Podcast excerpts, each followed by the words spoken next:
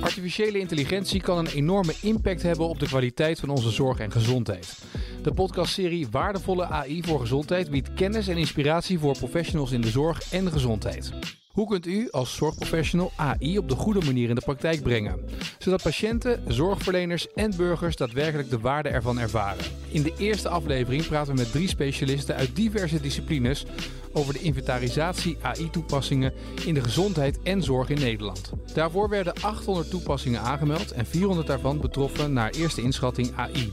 Ze werden in de zorgpraktijk getest als pilot of al gebruikt. Ze zijn gevraagd een vragenlijst in te vullen. Een nadere analyse heeft inzicht geboden in 111 AI-toepassingen. Over de resultaten van het onderzoek praten in deze podcast Marlies Schijven, hoogleraar chirurgie in het Amsterdam UMC en tevens Chief Medical Information Officer van VWS. Mijn aandachtsgebied is nou, simulatie, serious gaming en applied mobile healthcare. Het gaat eigenlijk over IL-toepassingen in de zorg. Rutger-Jan van der Graag, voorzitter van de Vereniging van Bestuurders in de Zorg, de NVZD. Wat wij doen is bestuurders toerusten, bestuurders accrediteren, zeg maar de kwaliteit van het zorgbestuur borgen. En Iris van Bemmel, programmamanager Gezondheid en Zorg bij de FME. Als FME willen we eigenlijk de verbinding maken tussen al die bedrijven met die kennis van technologie en uh, vraagstukken in de samenleving, zoals hoe krijgen we die toekomst van die zorg en die gezondheid op een goede manier. Welkom bij Waardevolle AI voor de Gezondheid en mis de volgende aflevering niet, dus abonneer u nu alvast via uw favoriete podcaststream die nulmeting, inventarisatie, AI-toepassingen in de gezondheidszorg en zorg in Nederland. Uh, wat is nou het eerste uh, dat opviel? En dan begin ik eigenlijk bij de professional die er dagelijks mee moet werken in het ziekenhuis, Marlies. Nou, wat je ziet, en dat vind ik eigenlijk wel mooi, is dat er vanuit het hele land toch is gereageerd op de oproep die er was. Wat heel fijn is, is dat je ook ziet dat de medische beroepsgroep goed gereageerd heeft op deze oproep. En dat je ziet dat de beroepsgroep ehm, ook wel heel erg zoekende is naar wat is nou waardevolle AI? Wanneer vinden we iets van waarde? Um, wanneer vinden we dat het nou, verantwoord is om te gebruiken en op wat voor manier doe je dat dan goed? En dat zijn precies de vraagstukken waar we het hopelijk over gaan hebben. En wanneer vinden we iets van waarde? Om die vraag gelijk maar neer te leggen. Nou, wanneer vind ik het van waarde is als het iets toevoegt aan de processen um, die op een andere manier niet of minder goed geborgd zijn. Uh, waarbij je wel altijd uh, het langs een maatstaf moet leggen van uh, hoe het nu gaat. En weet je, als je een nieuw medicijn uitvindt, mag het ook niet slechter zijn dan wat iets, dat, iets wat al op de markt is. En zo geldt het voor AI denk ik ook. AI is heel promising, maar je moet wel zeker weten dat het um, ethisch verantwoord is, dat het ook uh, responsible AI is, dat het recht doet aan de omgeving waar het in gebruikt wordt en dat het explainable is. Hè? Dat, je kunt, dat, dat het uit te leggen valt waarom een algoritme bepaalde keuzes uh, aangeeft. Rutger Jan van der Graag, uh, wat is het eerste wat u opviel in het rapport? Nou, dat um, we ontzettend snel moeten zorgen dat we weer met de witte stukken gaan schaken. Omdat wat mij het meeste opvalt is dat er een geweldig aanbod is, maar dat de vraag nog niet echt goed geformuleerd is.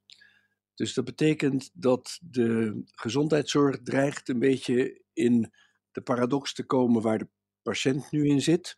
Namelijk dat uh, het aanbod gestuurd is in plaats van vraag gestuurd. Dat zou anders moeten, vindt u? Ik denk het wel. Ik denk dat, uh, dat het ontzettend belangrijk is dat uh, bestuurders, degene die beslissingen gaan nemen over toepassingen van AI, op een of andere manier een visie hebben van waar ze dat voor zouden willen toepassen. En ik denk dan eigenlijk aan een driepoot. Uh, er zijn natuurlijk ontzettend veel mogelijkheden om de autonomie van de patiënt te bevorderen.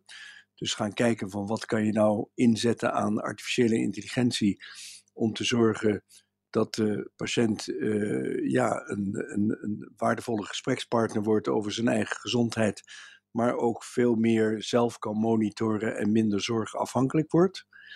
Ik denk dat uh, AI een enorme uitdaging vormt voor een van de punten waar we denk ik de grootste zorgen over hebben, dat is het dreigende personeelstekort. Een van de dingen die ongelooflijk duidelijk is, is dat met toename van de zorgvraag, veroudering van de populatie, uh, mondigheid van patiënten, uh, we dat niet gaan redden met uh, het zorgpersoneel dat er nu is, waarvan een heleboel snel met pensioen gaan. Dus we moeten gaan kijken van wat heeft AI te bieden als het gaat om het verlichten van de taken van het personeel. En ik denk dat waar het al het meeste zichtbaar is, maar waar ook wildgroei dreigt, is in het verfijnen van de diagnostiek.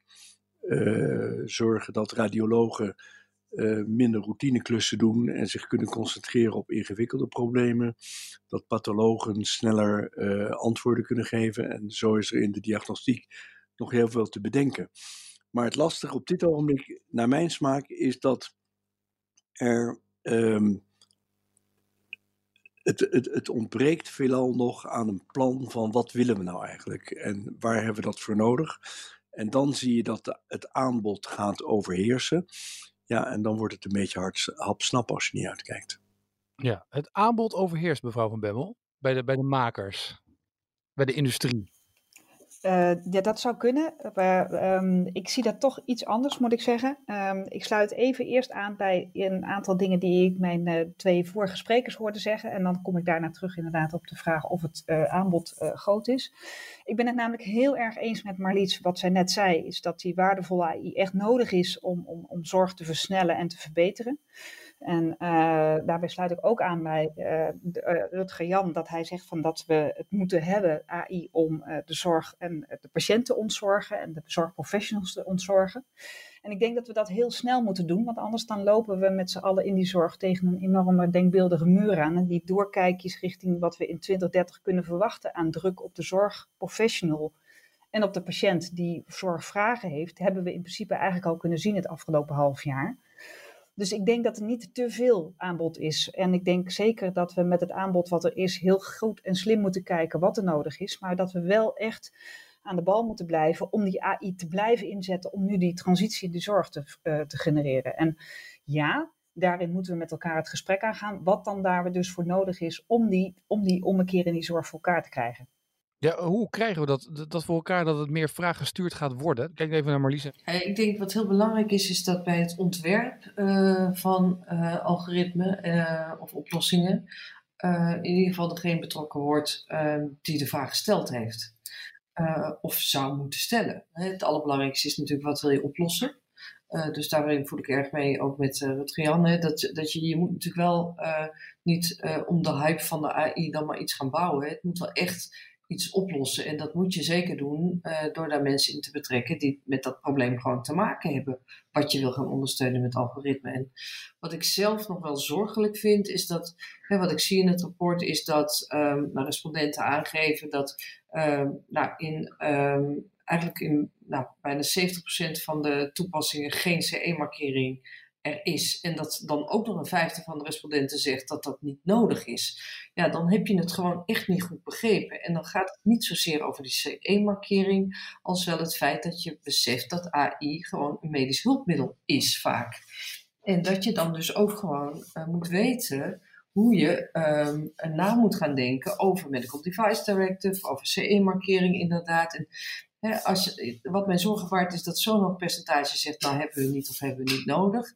Dat ik mij afvraag hoe goed en hoe robuust de onderzoeksgroep is die zo'n AI-algoritme ontwerpt. Want dat soort vragen moet je meenemen. Nou ja, om, om, om aan te sluiten bij wat Marlies uh, aangeeft. Kijk, je, je loopt tegen een heel wezenlijk menselijk probleem. Want je moet namelijk helemaal out of the box gaan denken. En dat is natuurlijk heel erg lastig omdat uh, je eigenlijk toch heel vaak vastzit aan bestaande kaders en uh, dat er ook angst is.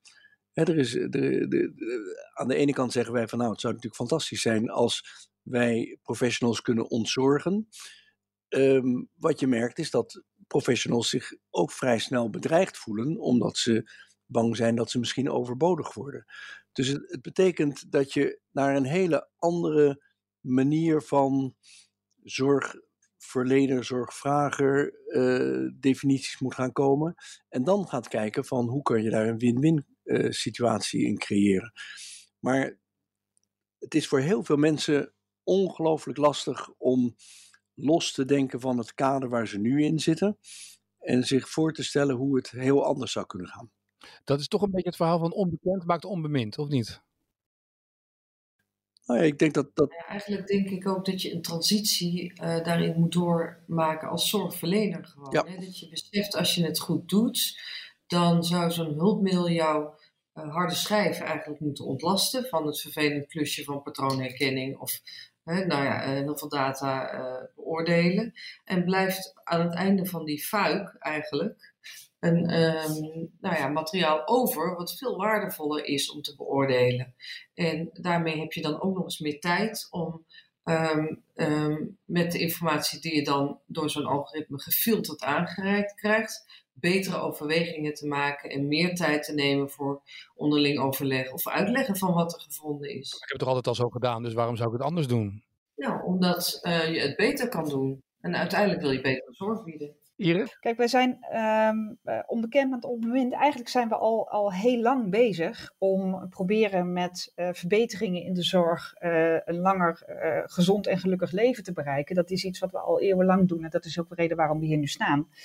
Um, ik denk ook dat heel veel mensen al lang overtuigd zijn van het feit dat, dat data en patronen in data heel erg kunnen helpen om veel eerder te voorspellen wat er bepaalde ziektes en dergelijke zijn die er kunnen zijn. Dus het is, ik denk niet zozeer dat het, dat het uh, angst is of, of, onbekendheid, maar meer uh, dat we inderdaad moeten laten zien welk, welk eigenlijk vanzelfsprekende perspectief waar we inderdaad altijd al mee bezig zijn om die zorg te verbeteren, dat dat met behulp van dit eigenlijk ook heel makkelijk en simpel kan. En de, de, de, de complexiteit is aanzienlijk uh, minder groot dan dat we allemaal denken. Het zijn, het zijn eigenlijk instrumenten en hulpmiddelen inderdaad om die patiënt beter en gezonder te laten leven en om die professional beter te laten, laten beoordelen of functioneren.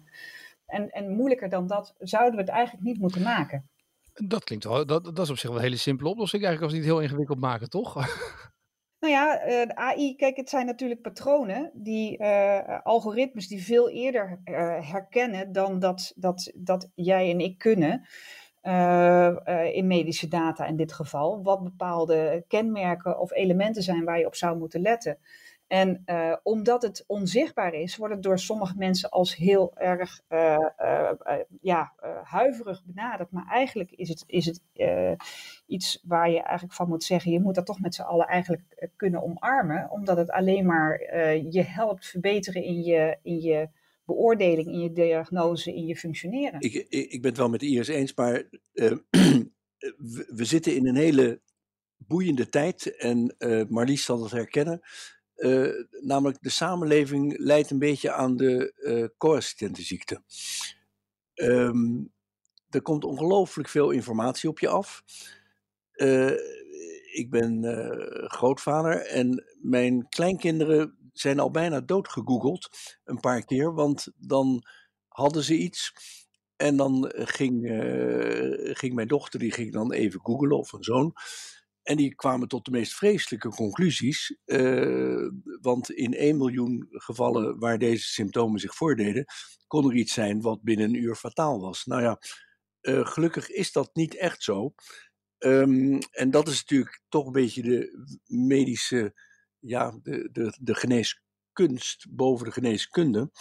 Uh, dat je de dingen in perspectief moet gaan zien. Hè? Dus dat betekent dat op dit ogenblik uh, er ook een enorme angst is dat uh, het heel snel en vroeg detecteren van allerlei dingen die niet zo heel veel betekenis hebben, de zorg zodanig zouden overbelasten dat we het helemaal niet meer aankunnen. Dus op een of andere manier moeten we zelf ook in een leer patroon om relativerend met de uitkomsten van algoritmen om te kunnen gaan. Dat valt ook wel misschien wel op in het rapport als je naar kijkt. Het, het wordt dus, uh, de, de, toepassingen, die, zijn nog, die kan je nog veel breder inzetten, maar het wordt op een hele specifieke groep eigenlijk ook ingezet. Hè. Je kan nog veel meer meedoen uh, in diagnoses, maar ook uh, richting jeugdzorg. Er zijn natuurlijk veel meer mogelijkheden dan misschien nu al benut worden. Nou ja, en als je kijkt naar de, de, de technologische kenmerken, dan vind ik dat er een, uh, toch wel een, een, een, hele grote overheersing is van het diagnostische proces. Uh, terwijl ik net die twee andere dingen noemde, de, de, die robotica, die kan de patiënt helpen, die kan de, het zorgpersoneel helpen. Dus uh, er zijn nog veel en veel meer mogelijkheden dan we op dit ogenblik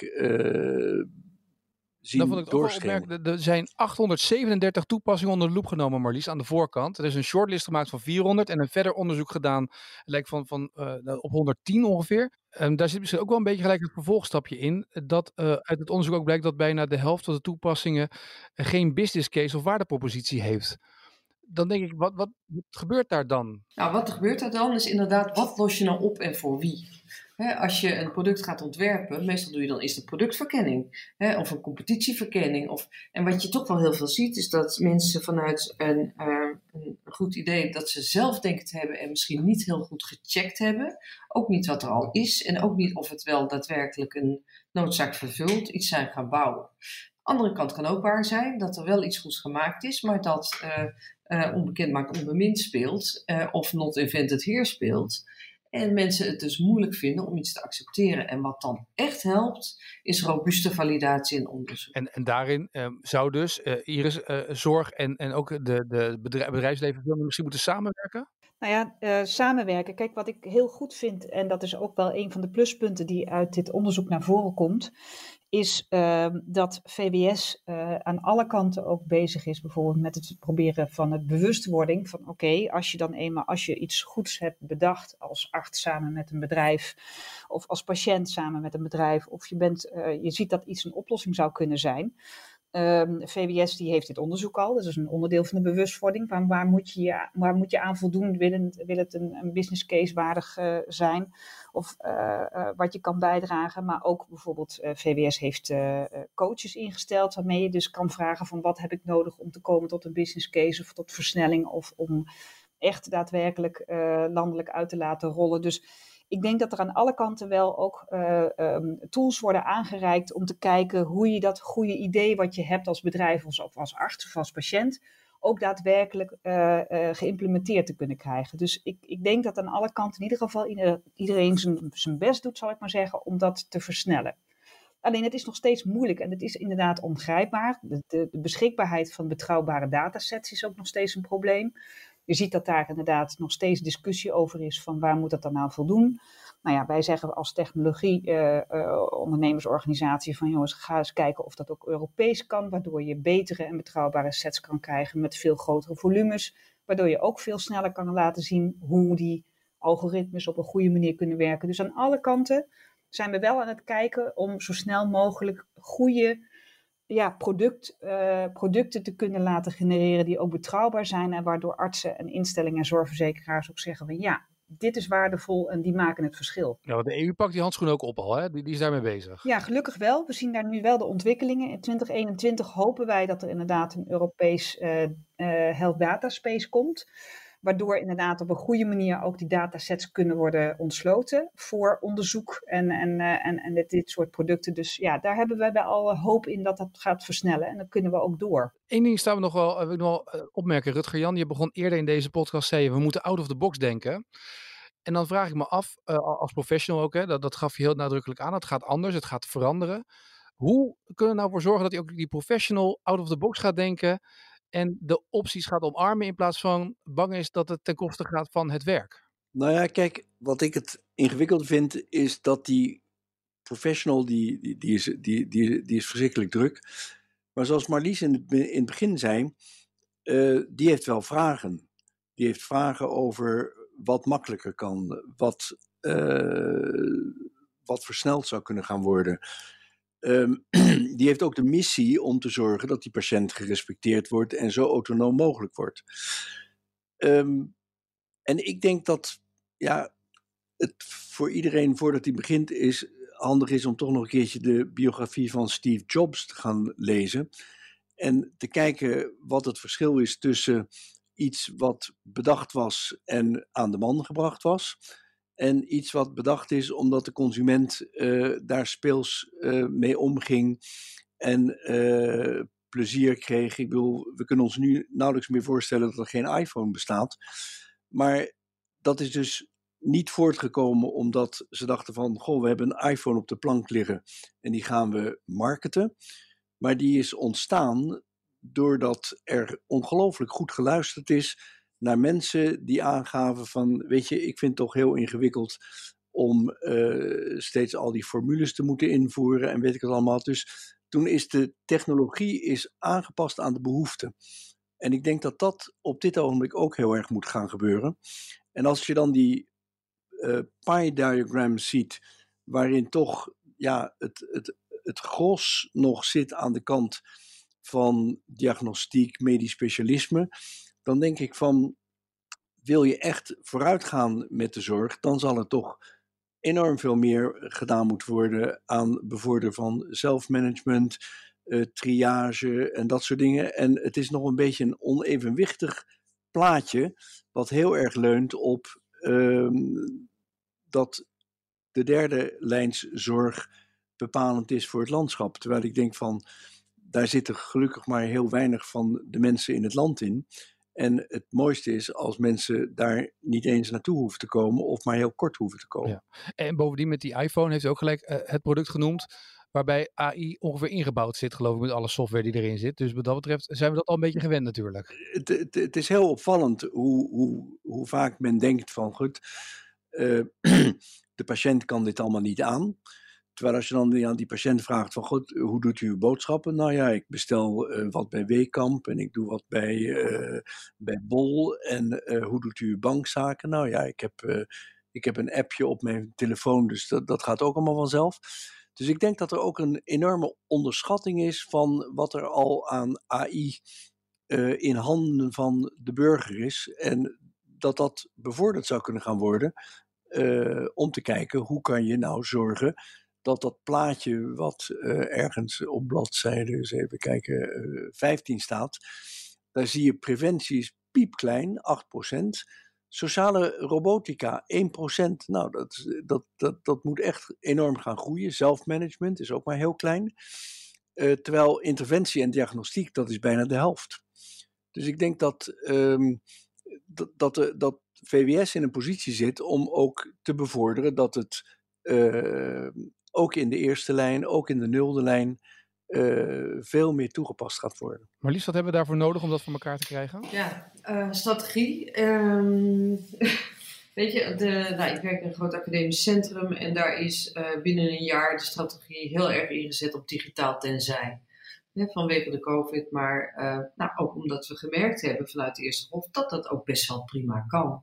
En um, betekent dat je uh, ja, uh, moet wennen aan een nieuwe werkwijze, maar dat je daar ook langzamerhand de voordelen van gaat begrijpen en ook de nadelen ervan gaat begrijpen. En ja, dat je eigenlijk toe gaat werken naar een mix en match. Wat past waar? Welke zorg moet op welke plek? Uh, patiënten hoeven uh, misschien helemaal voor sommige dingen niet naar een ziekenhuis, maar misschien wel beter onder begeleiding kunnen komen van nou, toch wat dichter bij de huisarts of inderdaad zelfmanagement.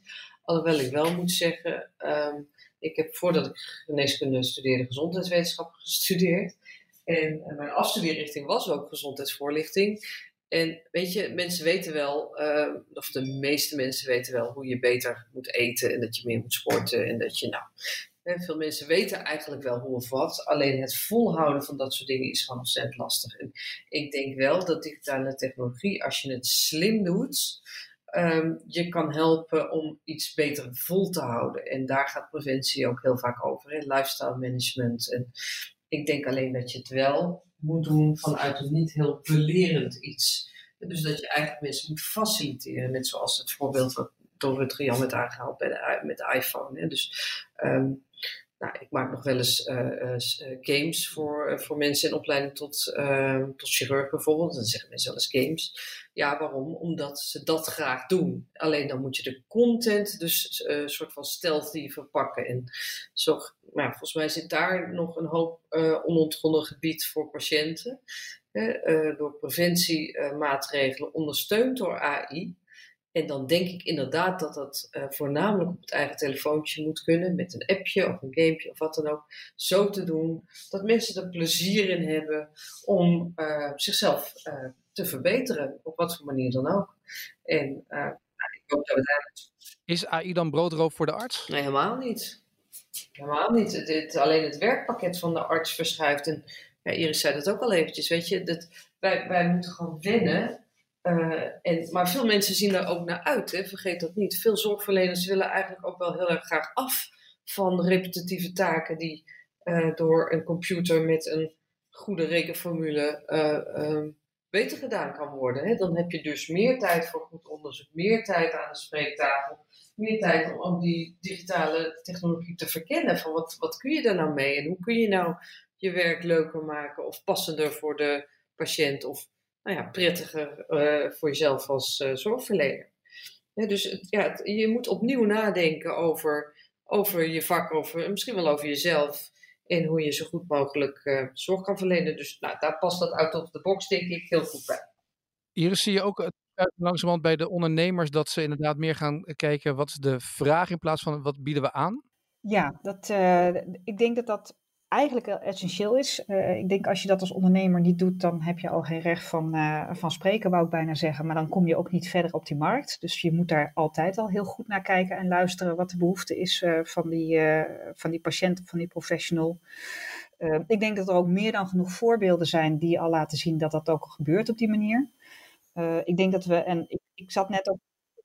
Kunt u een voorbeeld noemen? Ik, ik, ik pak er maar even eentje die redelijk uh, bekend is wellicht. En die wordt ook heel kort benoemd in het rapport. Uh, bijvoorbeeld, en dan kijk ik even een keertje niet naar een, een, een, professional of naar een arts, maar naar een patiënt. Waarbij je dus ziet bijvoorbeeld met een slimme insulinepomp. Dat zie je op dit moment waar voor diabetes 1 patiënten. Waarbij patiënten dus in staat zijn om eigenlijk een redelijk normaal leven te leiden. Waar echt gekeken is naar hoe kan je die patiënt helpen?